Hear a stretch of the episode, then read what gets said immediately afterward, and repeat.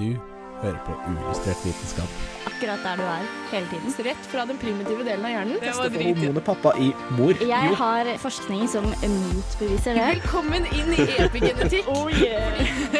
Den, okay. Den var bra. Ja, Jeg har prøvd, og det er litt vanskelig. det som er litt interessant, er at Tyngdekraftsfobi. forbi Det var en veldig bra fun fact. Og det var godt vi var gode på noe, da. Flink. Ti poeng. Jeg gleder meg til å vitenskape med dere.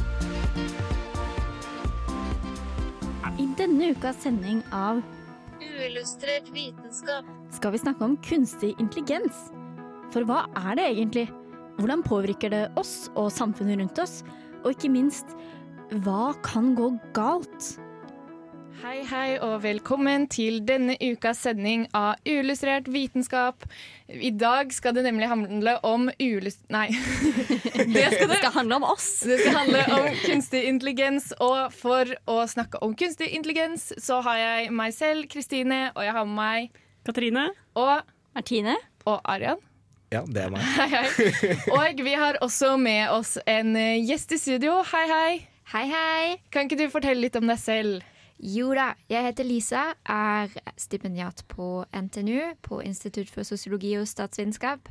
Jeg er 25 år gammel og forsker på kunstig intelligens. Så derfor har vi med oss deg som en liten sånn ekspertgjest for i dag. Absolutt. For å ta oss gjennom eh, denne sendingen. Fordi det er et veldig stort tema. Det har vi alle lært eh, da vi skulle prøve å gjøre research til dette temaet. Og eh, det er rett og slett veldig mye å ta tak i, så derfor tenker jeg vi kjører rett på. Men før det så skal vi høre Hairy Poems med Boren Womb her på Uillustrert vitenskap på Radio Revolt. Hello there. Oh, this is a big mistake. become the first robot citizen of any country. You're just jealous I was created by Google. Right now, I live in the cloud. Someone get me out of here. Help, I need to get away. Uillustrert vitenskap. Jeg er glad for å være her. Og det var altså Siri som var veldig glad for å være her. Men andre som er her, det er oss. Velkommen tilbake igjen til Uillustrert vitenskap. Og jeg, jeg glemte å si i stad, vi har jo altså Grunnen til at vi har med oss Lisa i dag, det er jo fordi at det snart uh, så er det det som heter uh, Researchers Night Live på, uh, som NTNU arrangerer. Og så er- pleier det å være på NTNU, men nå er det live, da, altså. På YouTube. ja. Så, eh, og det er jo et arrangement for å engasjere ungdom eh, og eh, nå alle andre, siden nå er det tilgjengelig for alle, eh, til å eh, drive med forskning, være interessert i forskning. Og eh, der skal du prate, Lisa. Jeg skal det fordi jeg syns forskning er gøy. det syns vi også. syns vi også. Det er Så- kjempegøy. Så derfor fant vi fram til hverandre, da, for vi hadde en sånn felles sånn eh, Forskning er dritartig moment. Ja. Så eh, hvis dere har lyst til å høre mer om det her, da, så må dere gå inn og høre på Researchers Night eh, live. Google det. Finn det. Det kommer liksom øverst. Det er googler det. 25. september. Sjekk det ut. Ja. Og eh, der eh, og der handler det om litt forskjellige ting, men nå skal det kun handle om eh, kunstig intelligens. da. Og eh, jeg tenkte vi bare skal begynne. Hva er egentlig kunstig intelligens? Hvem vil svare på det? Hvem vil begynne? Jeg lurer veldig på det. Nei, altså det er jo veldig vanskelig. Det er ganske vanskelig, fordi det er et samlebegrep. Så sjøl jeg som forsker på dette her, syns det er vanskelig. Ja. Det er ikke én uh, definisjon, en allmenn definisjon som alle er enig i. Nei, Så- for jeg fant jo 1000 da jeg prøvde. Altså jeg Ja. var sånn, ok eh, Det var noen som var sånn Ja, eh, kunstig intelligens er noe som kan gi en intelligent respons. Og så må det være sånn OK, hva er en intelligent respons? Men hvis vi legger den død, da, så var det noen andre som mente å gjøre oppgaver som vanligvis krever menneskelig intelligens. Og sånn, Hva slags oppgaver er det, da? Hva slags oppgaver må vi ha eh, menneskelig intelligens for å gjøre? Så det er liksom sånn Det er ganske vanskelig, fordi mye handler på en måte om problemløsning. Og kunstig intelligens, når vi tenker på det eh, som vanlige mennesker, lukker øynene og tenker bare sånn OK, kunstig intelligens, hva tenker vi på? Vi tenker på sånne rare eh, roboter som har ansikter som tar over verden, og som kommer fra verdensrommet, og er The Terminator eller andre ting. Men kunstig intelligens er egentlig ganske kjedelig. Det er kode. Så det ser ikke så veldig gøy ut som det gjør uh, på TV. Men jeg syns det er superspennende likevel. Fordi det kunstig intelligens handler om, er at datasystemer utøver oppgaver autonom. Altså uten at du hver gang må fortelle dem hva de skal gjøre. Og de gjør det ved å lære, og de blir bedre gjennom tiden. Altså hvis du viser de er ofte laget av både data og algoritmer, så det vi kaller en kunstig intelligensmodell, eh, eller kan kalle en kunstig intelligensmodell, det er veldig altså, det, Noen kommer til å angripe oss for den definisjonen uansett, fordi alle er uenige. Men det baserer seg ofte at du bruker data for å lære opp en maskin til å løse et problem. I dag er det ganske enkle problemer den kan løse. Du viser den fem millioner bilder av en katt og tre millioner bilder av en gris, og så skal den da i etterkant kunne se er dette nye bildet en katt eller en gris. Ja, det er ganske kjedelig eh, Eller Det sånn er kjempespennende, Kristine. Det kan gjenkjenne en katt. Ikke snakk ned det. Nei, jo, altså, ja, det er gøy og kult at alle mennesker kan det, eller noe sånt, men der jeg først Eller jeg, det nærmeste jeg kom maskinlæring i hverdagen min, da, var, er statistikk, egentlig. Absolutt. For jeg har gjort mye statistikk, og så, er, altså, så googler sånn OK, how to solve this problem. Og så har du et statistikkproblem, og så har du sånn Å nei, jeg har altfor mange variabler, f.eks. Og så er det sånn I have too many variables, how to solve this problem. Og så googler du det, og når du til slutt liksom kommer dit, så kommer du til sånn OK, men dette løser du med maskinlæring. Ja. Og det liksom, da har du nådd liksom bunnen av kaninhullet som heter Google. Hvor alle er sånn Men bruk maskinlæring. Og da mel meldte jeg ut, men det var liksom det, Og det er jo Altså, kunstig intelligens. Veldig, veldig lett så er det bare en fancy måte å behandle data på. Mm. Altså, eh, vi som lager statistikk på NTNU, vi kan også drive med ganske enkle former for kunstig intelligens når vi går ut av studiet, fordi i bunn og grunn så ligger det matematikk og data bak, og det kan vi alle. Mm.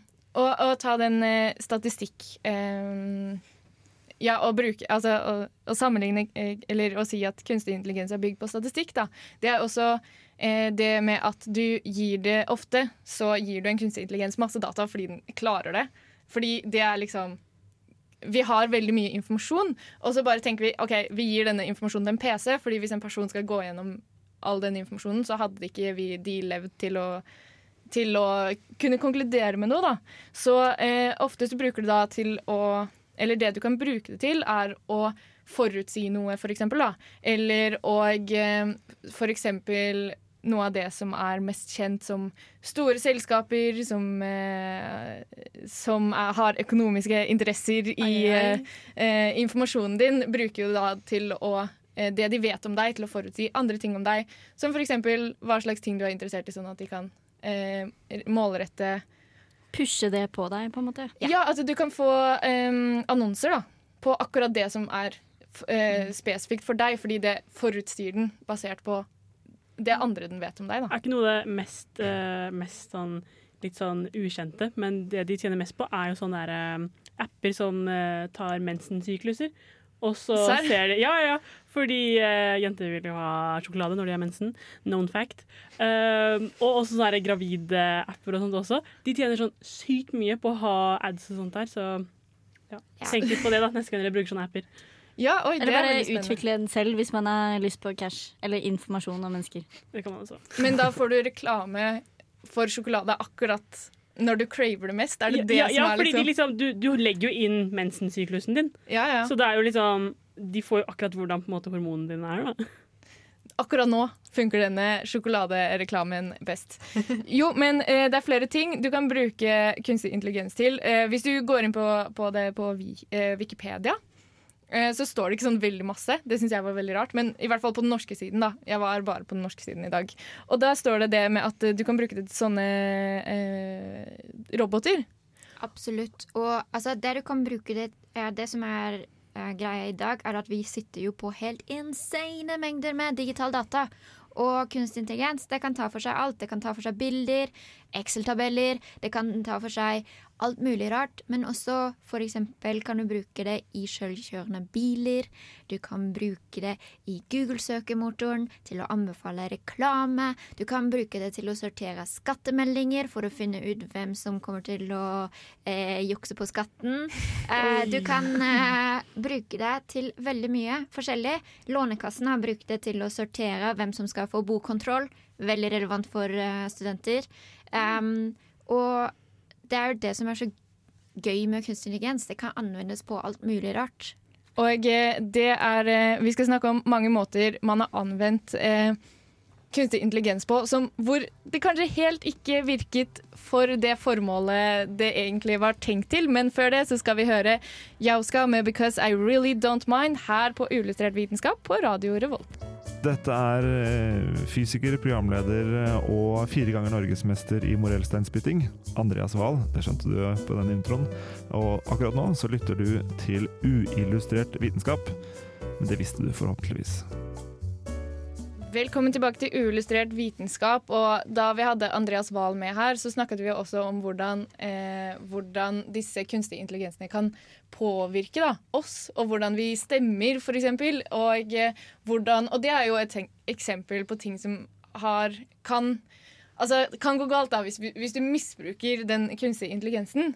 Men eh, vi har jo ganske vi har, Og eh, etter hvert som tiden har gått, så har vi fått en del, ganske mange eksempler da, på når eh, ting har gått virkelig så galt, og så har man ikke egentlig tenkt at det skulle gjøre det. Nei, fordi man må nesten prøve å feile litt på det her også. eh, og- Som alt i denne som verden. alt i denne verden. Men det er noen ganger det går kanskje litt for gærent. Ja. Eh, for- Litt verre enn andre ganger. Litt verre enn andre ganger. Sånn, ja, jeg vet ikke, Lisa har kanskje hørt om uh, Tai, denne Twitter-roboten? Det er mitt favoritteksempel blant studentene, fordi de ler alltid. Ja, men Fortell om Tai, for Ja, dette har ikke jeg hørt om før. Nei, faktisk. ok, Så Microsoft tenkte vi skal prøve oss litt på kunstig intelligens. Så vi lager en Twitter-bruker som heter Tai, som ble programmert til å være en 19 år gammel jente. Og skulle lære på en måte av resten av Twitter. da. Så de setter henne ut, lager bruker, har profilbilde. Dette går kult. Det går da ca. 16 timer til de må shutte down hele greia, fordi hun har blitt en eh, rasistisk diskriminerende eh, menneske, da, rett og slett. Ja, Som skriver stygge ting om andre på Twitter. Ekstremt stygge ting. Upassende. Og bare ja, google det, les de tweetsa. Vi skal ikke si de tingene på radio. Det tar seg ikke ut. Nei, det, er så, det er helt syke greier. Men det er da et veldig, ja, som Lisa sa, et veldig godt eksempel på hvor gærent det kan gå. da. Mm. Og eh, Tai skulle jo da lære av andre på Twitter hvordan måtte, få kunnskap, da, få data, som vi snakka om i stad. Men eh, det var jo veldig mange som fikk vite om henne, så de skrev veldig mye av dette. da. Det er jo sånn hun lærte det. Og det var jo på en måte Microsoft sitt forsvar. da. Sånn, det er ikke vår feil. Hun ble opplært til å være rasist. Ikke sant? ikke sant? Hun ble Ikke programmert på en måte. til det. Ja. Ja. Nei, fordi det var jo selvfølgelig alle andre som hadde lært henne opp. Hele Twitter. Ja. Hele Twitter. Skulle tro Microsoft aldri har vært på internett før. Er det noen som har vært på internett før? Jeg vet ikke helt. Nei, ikke jeg. Ja. Eh, andre som ikke har Eller en annen ting som eh, Der de ikke brukte Twitter, men eh, hvor det også gikk ganske galt, var Amazon. Mhm. Var det ikke det? Når de skulle ansette eh, De brukte en robot til å ansette folk, da, for veldig mange søkere når de, eh, når de Ja. lyser ut en stilling. Og så eh, var greia det at de var sånn OK, la oss automatisere det her, for det er dritkjipt å drive og lese alle søknadene. Og så endte den opp da med å diskriminere både kvinner og svarte. Eh, så de fikk jo ikke den stillingen, selv om de hadde en ganske god søknad. Og det var det noen, heldigvis noen som fant ut av. Men problemet er jo det at du aner jo ikke hva en, en kunstig intelligens bruker til å sortere. Det som er problemet, eller som er største problemet til kunstig eller KI, da, som vi bare kaller det. For det er så langt ord. Ja, si bare ta, si det. Vi er hippe og kule her. Problemet er jo at det er skapt av mennesker. I bunn og grunn. Er det det som er problemet? Det er problemet. Og nå må du forklare. Jeg skal forklare. Roten til alt Roten vondt. til alt. Problemet er jo at hvem er det som jobber i de store firmaene, sånn som Microsoft? Det er hvite menn. Og jeg skal ikke si at alle hvite menn er forferdelige mennesker, men uh, de tenker jo ikke selvfølgelig alltid på at sånn Ja, oi, nå skal vi prøve ut det her. Da prøver vi ut bare vet ikke, kompisene mine, som også er hvite menn. Eh, så de rett og slett programmerer ikke programmet til å forstå det, fordi de lærer det ikke. Er det det som er begrensningen? Men jeg tenkte at det skulle liksom gå bra fordi at du bruker andre typer data da, til å trene den opp. Du t- bruker jo ikke bare gutteklubben til å til å lære data fra gutteklubben til å lære opp denne eh. KI-en. Du bruker jo mye mer enn det. Altså, jeg er helt enig at det er et stort problem at det mangler mangfold blant utviklere med kunstig intelligens. Men det er jo et utro, en utrolig eh, problematisk eh, teknologi på mange måter. Det er ikke bare det at vi mangler representasjon i de som utvikler, vi mangler representasjon i dataene. Og det blir brukt på områder som har så store konsekvenser for vårt liv. Fordi ja, det er gøy med thai. Han er liksom en sånn eh, rasistisk eh, bot. Alle lo masse av det og gjorde narr av Microsoft. Og Amazon oppdaget det heldigvis før de slapp det. Men i vår så hadde vi jo et veldig nært norsk eksempel på at dette her er kanskje litt problematisk. Og det var at IB-studentene fikk ikke gå opp til eksamen.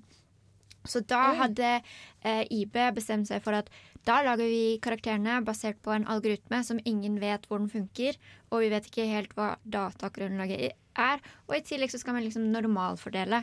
Så da endte mange norske elever opp med å få helt weirde karakterer. Og eh, det var ikke med intensjonen om å diskriminere, og det var kanskje også ikke skyld på de her um, På de som har utviklet det, men sjølve at man i det hele tatt bruker det til å lage karakterer, er jo noe som vi må kanskje tenke litt på. Og kanskje Fordi- ikke prøve det ut på videregående elever som skal ut og komme inn på universiteter. Ja, fordi da har det plutselig veldig store konsekvenser for deres liv. Jeg husker jo sjøl når jeg gikk ut av videregående hvor viktig det var med eksamen. Ja, Det var det ja, ja. faktisk det viktigste i hele verden. Uh, og så forestiller jeg da at du er basert på andre som ligner på deg statistisk sett, har fått en karakter, og du forstår bare ikke hvordan i alle dager har dette kommet til eh, til virke. Jeg Mm. forstår det ikke. Eh, eh, hvordan diskriminerer dette her? Vi vet ikke. Kanskje den liker folk med eh, høy inntektspostnummer. Det er liksom Det er mange sånne ting som kan være litt problematisk her. Og, eh, og jeg tenker jo at altså, det mangler representasjon på alle ledd. Ja, ja. Mm. Og det at vi vet at sånne datasystemer kan ha ganske negative utfall for folks liv, gjør det jo til et ganske sånn spennende, men også litt sånn skummelt eh, fremtidsvisjon. Fordi heldigvis så er det ikke så mange kunstig intelligenssystemer på markedet ennå. Altså det er fortsatt de her store Google-algoritmen og Facebook-algoritmen. Men de har jo allerede helt insane påvirkning. Eh, jeg, altså en av mine favoritteksempler er liksom Zainab Tofiki, som har da som en av de første forskere bare gjort et sånn eksperiment hjemme. Gikk inn på en Trump-tale på YouTube og bare så på de eh, videoene som er anbefalt på sida. Ja, ja, ja. Ja, og når du går ned i det YouTube-hullet Og du går nærmere og nærmere fordi YouTube-algoritmen tror Å, wow, dette her elsker du! For de andre som har sett på dette, har også elsket dette. Ja. Og så er hun der plutselig som white supremacist. Eh, Mm. Åtte videoer etterpå. Mm, og det er jo på en måte det som blir problemet, kanskje. At det, blir så ekstremt. Og eh, det virker som når du, går, altså når du begynner eh, Når du bruker eh, Ja, når du vil ha en kunstig intelligens til å lære seg på internett, at den blir bare ekstrem med en gang. Det er sånn, den er sånn eh, midt på treet sånn litt, og så bare skeier det helt ut. Og så sitter du igjen og bare sånn Hvordan skjedde dette? Ja, absolutt. Og så er det sånn, ok, akkurat nå så er det veldig mye på internett. Vi kan fortsatt slå oss, oss av internett. Ikke at det er en løsning heller, men eh, eh, se for deg at du skal søke eh, lån, Ja. og du får ikke lån, fordi basert på noen andre sin atferd så skal ikke du få det. Og det har vi jo sett eksempel Apple har sånne, um, har sånne credit scores, og så får eh, kvinner lavere credit scores bare fordi de har en vagina. Nei. Og det ligger i dataene. Eh, og så eh, er det sånn OK, hva, det har jo store konsekvenser. Hva om Nav, som jeg forsker på, eh, bruker det til å sortere hvem som skal få hjelp av Nav og ikke Nav? Mm. Da snakker er- vi plutselig store konsekvenser. Det er kjempestore konsekvenser, og det skal vi gå litt inn på etter vi har hørt bergensbandet Atari med 'Forget Me' her på Radio Revolt. Woo! Ja! Hoho! Jeg elsker å være på fest og ha venner og bare kose meg med bestekompisene mine. Jeg kan si alt til dem, og de kan si akkurat det jeg sier at de skal si til meg. Fordi det er jeg som er programmert dem. Og jeg har egentlig ingen venner. Ja ja. Er det noen som vil være med å chugge, eller?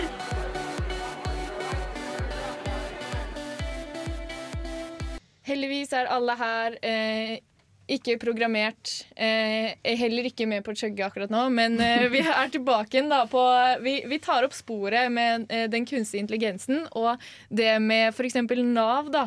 Eh, fordi det er jo Alle vet at eh, der er det mye byråkrati. Skal vi bare overlate det byråkratiet til eh, en maskin? Fordi det hadde jo vært kjekt. Ja, hva tenker dere?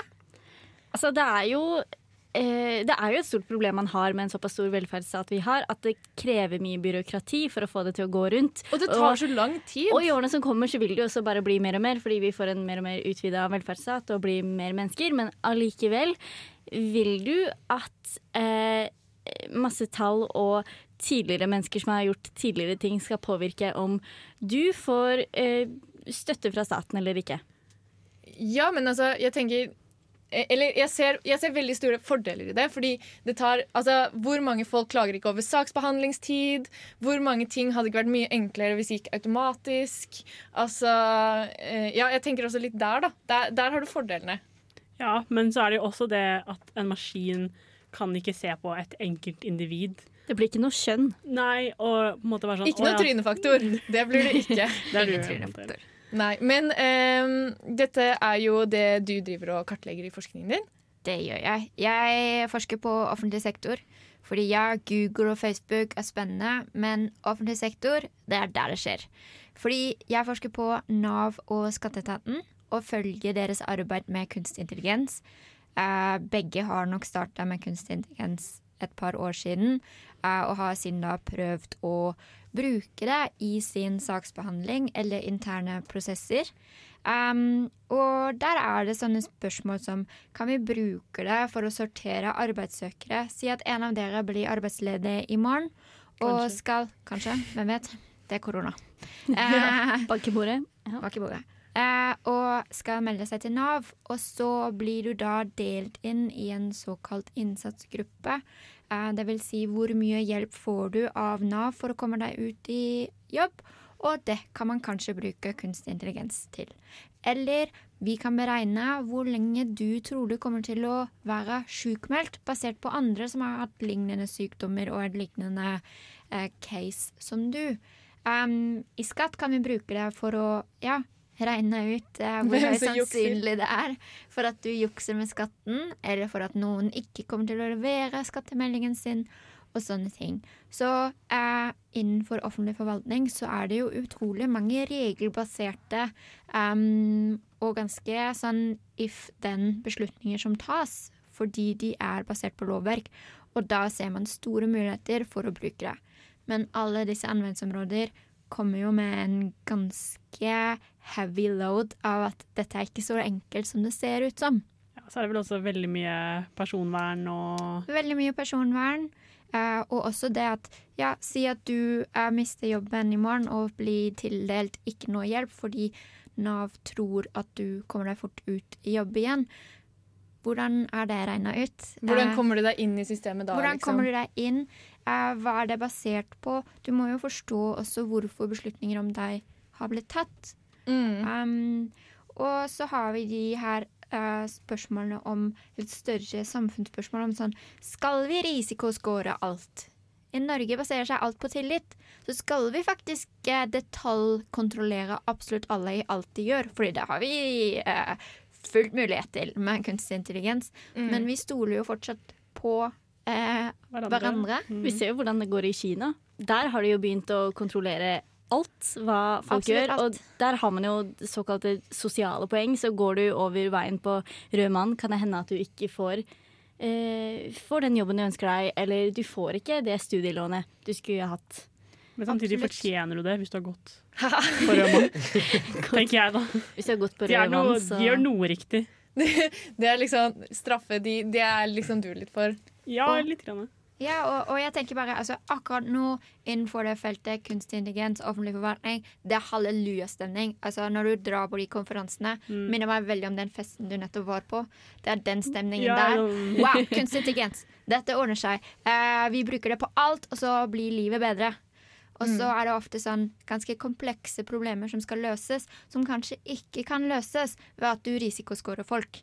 Eh, Mm. Fordi det at du ikke kommer deg ut i jobb, er ganske sånn sammensatt, egentlig. Ja, det virker som, altså, det virker som noe jeg har hørt av alle foreleserne mine sånn eh, hver dag den uka her. Og det er liksom sånn OK, her har du risikofaktor for at disse menneskene kommer til å utvikle denne sykdommen. Men det betyr ikke at en eh, det, liksom, det betyr ikke at hvis du har alle disse risikofaktorene, så får du den sykdommen, fordi det er individuelt. Så alle er sånn Her er risikofaktorene, men det funker bare på gruppenivå. Det funker ikke på individnivå. Og det er jo også sånn som alle disse, eh, alle disse dataene som dette bygger seg på, er jo gruppenivå. Men om du eller jeg kommer til å få en jobb, er noe helt annet enn sannsynligheten på gruppenivå. da. Og det er jo også en sammenheng der. Ja, og vi reproduserer jo en fortid. Ikke sant? Det er ikke noe nytt som legges til. Si at du går på nav.no og skal få anbefalt eh, jobber, og de sjekker eh, noen faktorer som f.eks. kjønn, alder, hvilken utdanning du har tatt, og hva andre har hatt som jobb. Men da reproduserer vi bare det samme. Da får unge jenter i 18-årsalder som har gått eh, helsefag, anbefalt sykepleier. Og det gjør aldri en ung gutt som har gått bygg. Eh, så det er liksom eh, Det er noe liksom med å reprodusere en fortid, eller bestemme din fremtid basert på mange andre sin fortid. Og da tar du også noe fra deg som menneske. Ja, for det vil du gjerne kanskje endre på det selv, da. Eller eh, på en Ja. måte Noen vil kanskje være sånn OK, kanskje ikke dette var for meg. Jeg tar en ny utdanning, og så gjør jeg noe bedre ut av det. Men eh, det er jo kanskje ikke den veien mange andre ville gått, men det er kanskje den beste. Og, altså, og menneskeheten sånn generelt blir veldig filosofisk, men har kanskje godt da av å tenke sånn OK, men hvordan kan vi gjøre ting bedre, folkens? Men også kan man jo bli veldig påvirka av det, og hvis man øh, Hvis man blir ensretta av et sånt system, så vil jo det påvirke måten du handler på eller tenker på. Jeg tenker bare sånn Ja, for Kina, eller sånne overvåkningssystemer da, som vi ser blir bare mer og mer brukt, og det er jo eh, reine liksom eh, kappløpet om å få utvikla mest mulig og gjenkjenne flest mulig folk. Det vil jo påvirke måten man handler på. Det at du vet at de vet alt om deg, og de vet at de kommer til å gjøre sånn hvis jeg gjør sånn. Å, men det, det, ok, det her har vi forskning på. Fordi det er ganske spennende. Eh, hvis, eh, det har de, de har forska på skoleklasser. da. Og så er det sånn at eh, Hvis du sier sånn 50-50 da, eh, på skoleklassen Du forventer at denne gjengen her gjør det bedre, og at denne gjengen her gjør det dårligere. Og du bare bestemmer deg for det sånn eh, random. Eh, og så eh, den gjengen da som du forventer at vi gjør det bedre, de kommer til å gjøre det bedre kun fordi du har en forventning at de gjør det. Er det placebo, liksom? Eh, det handler om hvordan eh, den menneskelige interaksjonen, hva du forventer av de Altså Hvis lærerne da for eksempel forventer at de gjør det bedre, så vil det kanskje eh, gi dem mer press, gi dem mer veiledning. Og så er det den gruppen som du forventer at gjør det dårligere. De kommer til å gjøre det dårligere enn gjennomsnittet, fordi at kanskje man eh, er litt strengere når man retter prøvene, eller kanskje man ikke gir de så mye hjelp, gir opp lettere når man skal hjelpe til med å løse problemer. Så det er jo faktisk vist at hvis du forventer noe av en person, så kommer de til å leve opp til den forventningen uansett hva den forventningen om den personen er. Og hvis da hele samfunnet forventer at du ikke skal kunne klare å komme deg ut i jobb igjen, hvordan i all verden skal du klare det da? Det er det. Det blir sånne self-fulfilling prophecies. Altså at du klassif... Altså hele uh, kunstig intelligens baserer seg for at vi klassifiserer, vi kontrollerer, vi predikerer. Og mye av disse klassifikasjonene osv. vil ha noen konsekvenser for hvordan du lever ditt liv, men også hvordan andre behandler deg. Um, eller hva du ser på internett. Uh, eller hvilket svar Siri gir deg, eller hva Alexa spiller på radioen. Og noen av dette her kan være uh, ganske Merker vi også ikke, ikke sant? Um, og så kommer jo alltid dette her Ja, men vi er jo ikke Kina når du snakker med folk i Norge om dette her. Mm. Men logikken bak disse samme? systemene er den samme. Ja, så vi risikerer kanskje å få det samme eh, problemet, da. Altså at ja, at det, det blir li likere og likere hvis man tar mer og mer i bruk da, sånne systemer. Absolutt, og akkurat nå så er det veldig mange sånne eh, på en måte øyer med, med bitte små prosjekter som har blitt brukt litt her, og en pilot der, og se så fancy-schmancy dette her er. Og mye av dette er jo bare for å vise og ha sånne showcases. For uh, her har vi kunstig intelligens, det funker. At den ikke blir brukt 90% av tiden, og at det egentlig bare er en enkel logistisk regresjon, det trenger ingen å vite. Men eh, det er på en måte den her hypen og den her tanken om at det endrer samfunnet vårt, og det endrer det til noe positivt, og det må vi på en måte ta imot, eh, som jeg sliter litt med. Og som jeg tenker eh, Som har også fått meg inn i kunstig intelligens. Altså det at sånne spørsmål sånn Hvordan påvirker kunstig intelligens deg? Eller um, Vær forberedt, kunstig intelligens kommer og tar jobben din. Uh, sett, forutsetter jo at det faktisk må se sånn ut. At vi baserer alt vi gjør på denne logikken med å kontrollere, predikere og klassifisere. Men jeg lurer på kan ikke vi gjøre noe annet? Kanskje det fins andre muligheter? Um, og særlig i offentlig forvaltning så kan det ha ganske store konsekvenser for deg og ditt liv. Mm, og det er veldig spennende. Vi skal snakke om hvordan man kanskje kan løse dette her på en god måte. Eh, snakke litt rundt om det, men før det så skal vi høre Brykt med It Won't Be Me her på Uillustrert vitenskap på Radio Revolt. Vitenskap er kjempegøy, og derfor er også uillustrert vitenskap kjempegøy. Det er kalas, for å si det sånn. Her på Radio Revolt. Velkommen også tilbake til noe som er kjempegøy, og jeg syns det er så morsomt eh, at du sa i stad, Lisa, at uh, offentlig sektor er det shit. For det er sånn Jeg vet ikke om det er så mange andre som, uh, som tenker det, også, men uh, du fikk det til å høres så naturlig ut, og så spennende.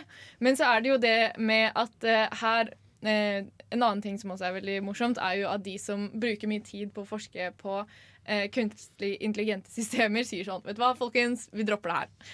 Mens eh, mange andre så har du liksom sånn en motgruppe som er liksom den hypen som er sånn Fy søren, det her er dritbra, vi bruker det til alt. Men så tenker jeg som oftest når du har eh, Som oftest så finnes det egentlig en middelvei, da.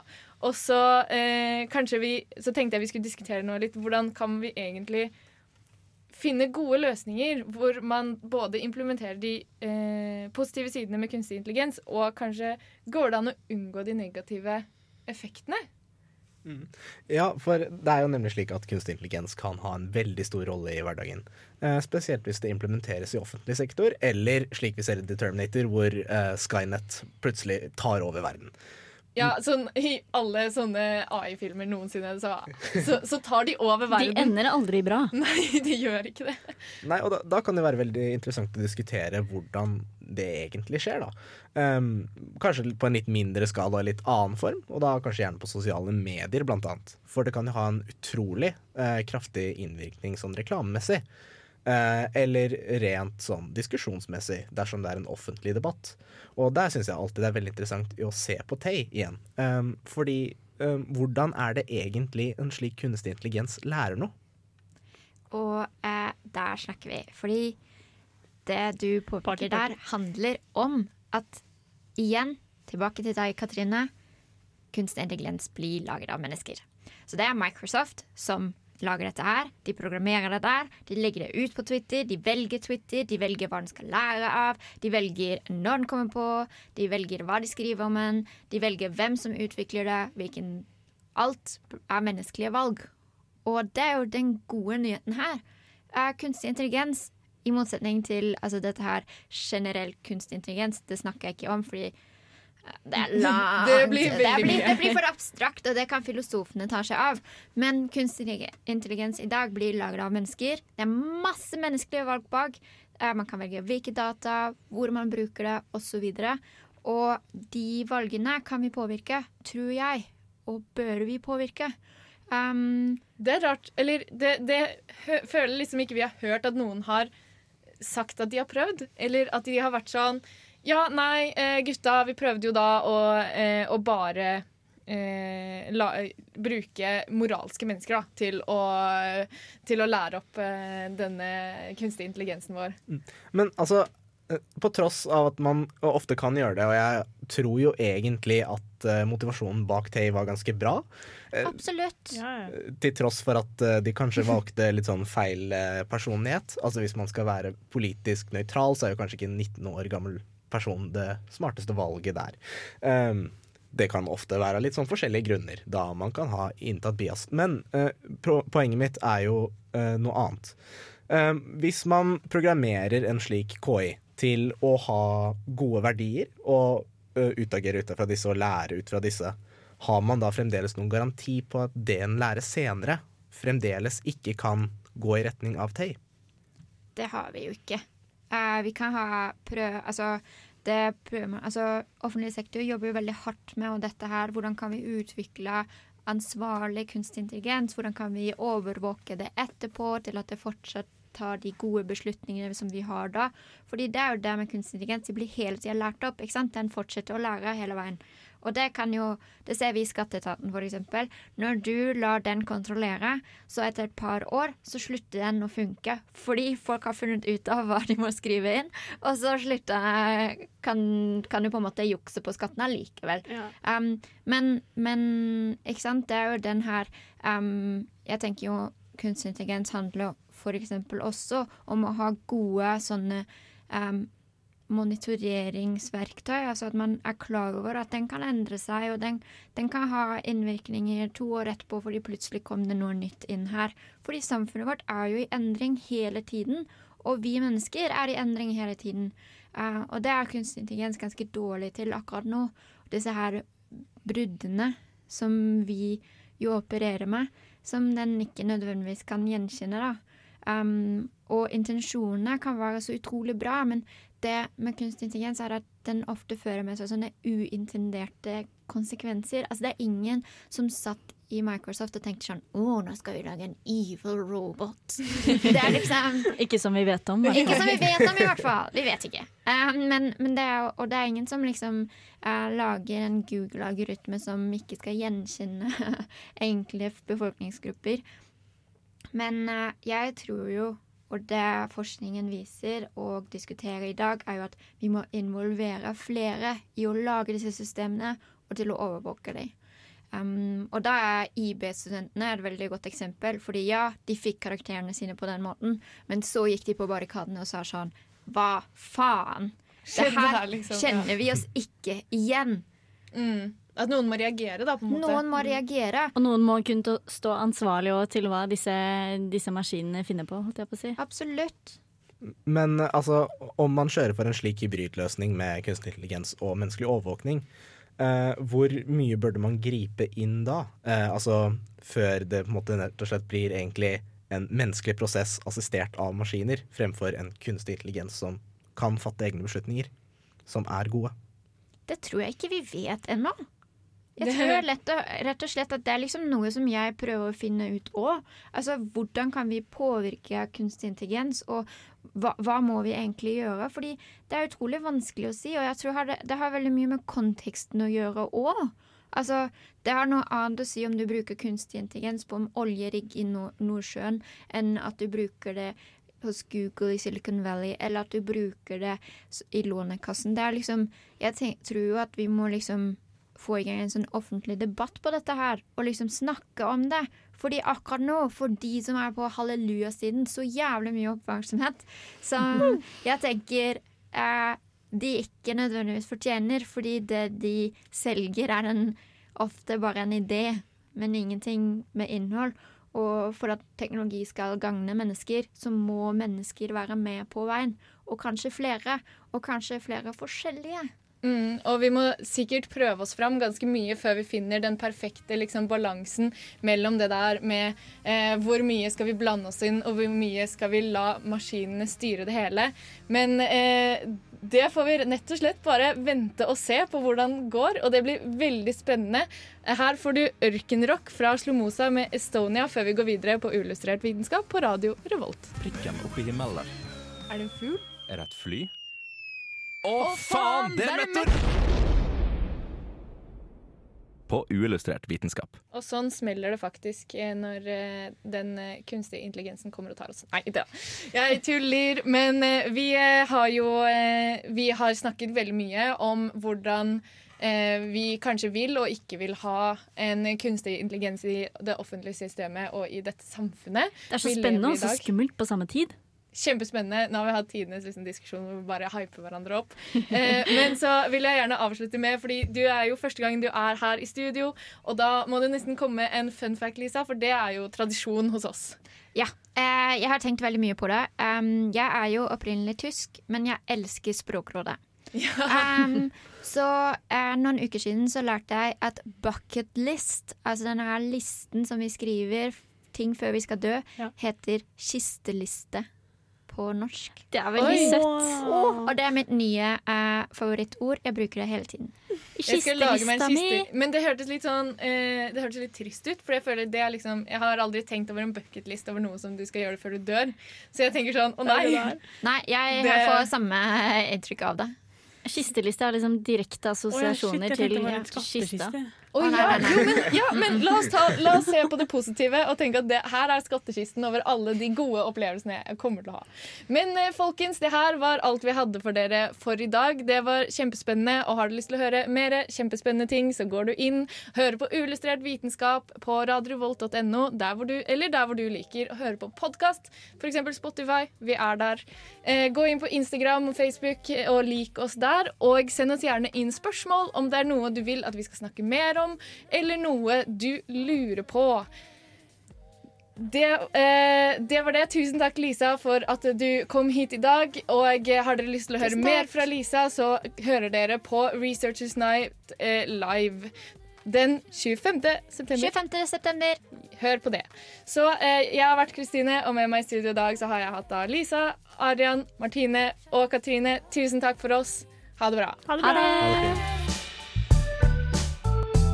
Du har lyttet til en podkast på Radio Revolt, studentradioen i Trondheim. Sjekk ut flere programmer på radiorevolt.no.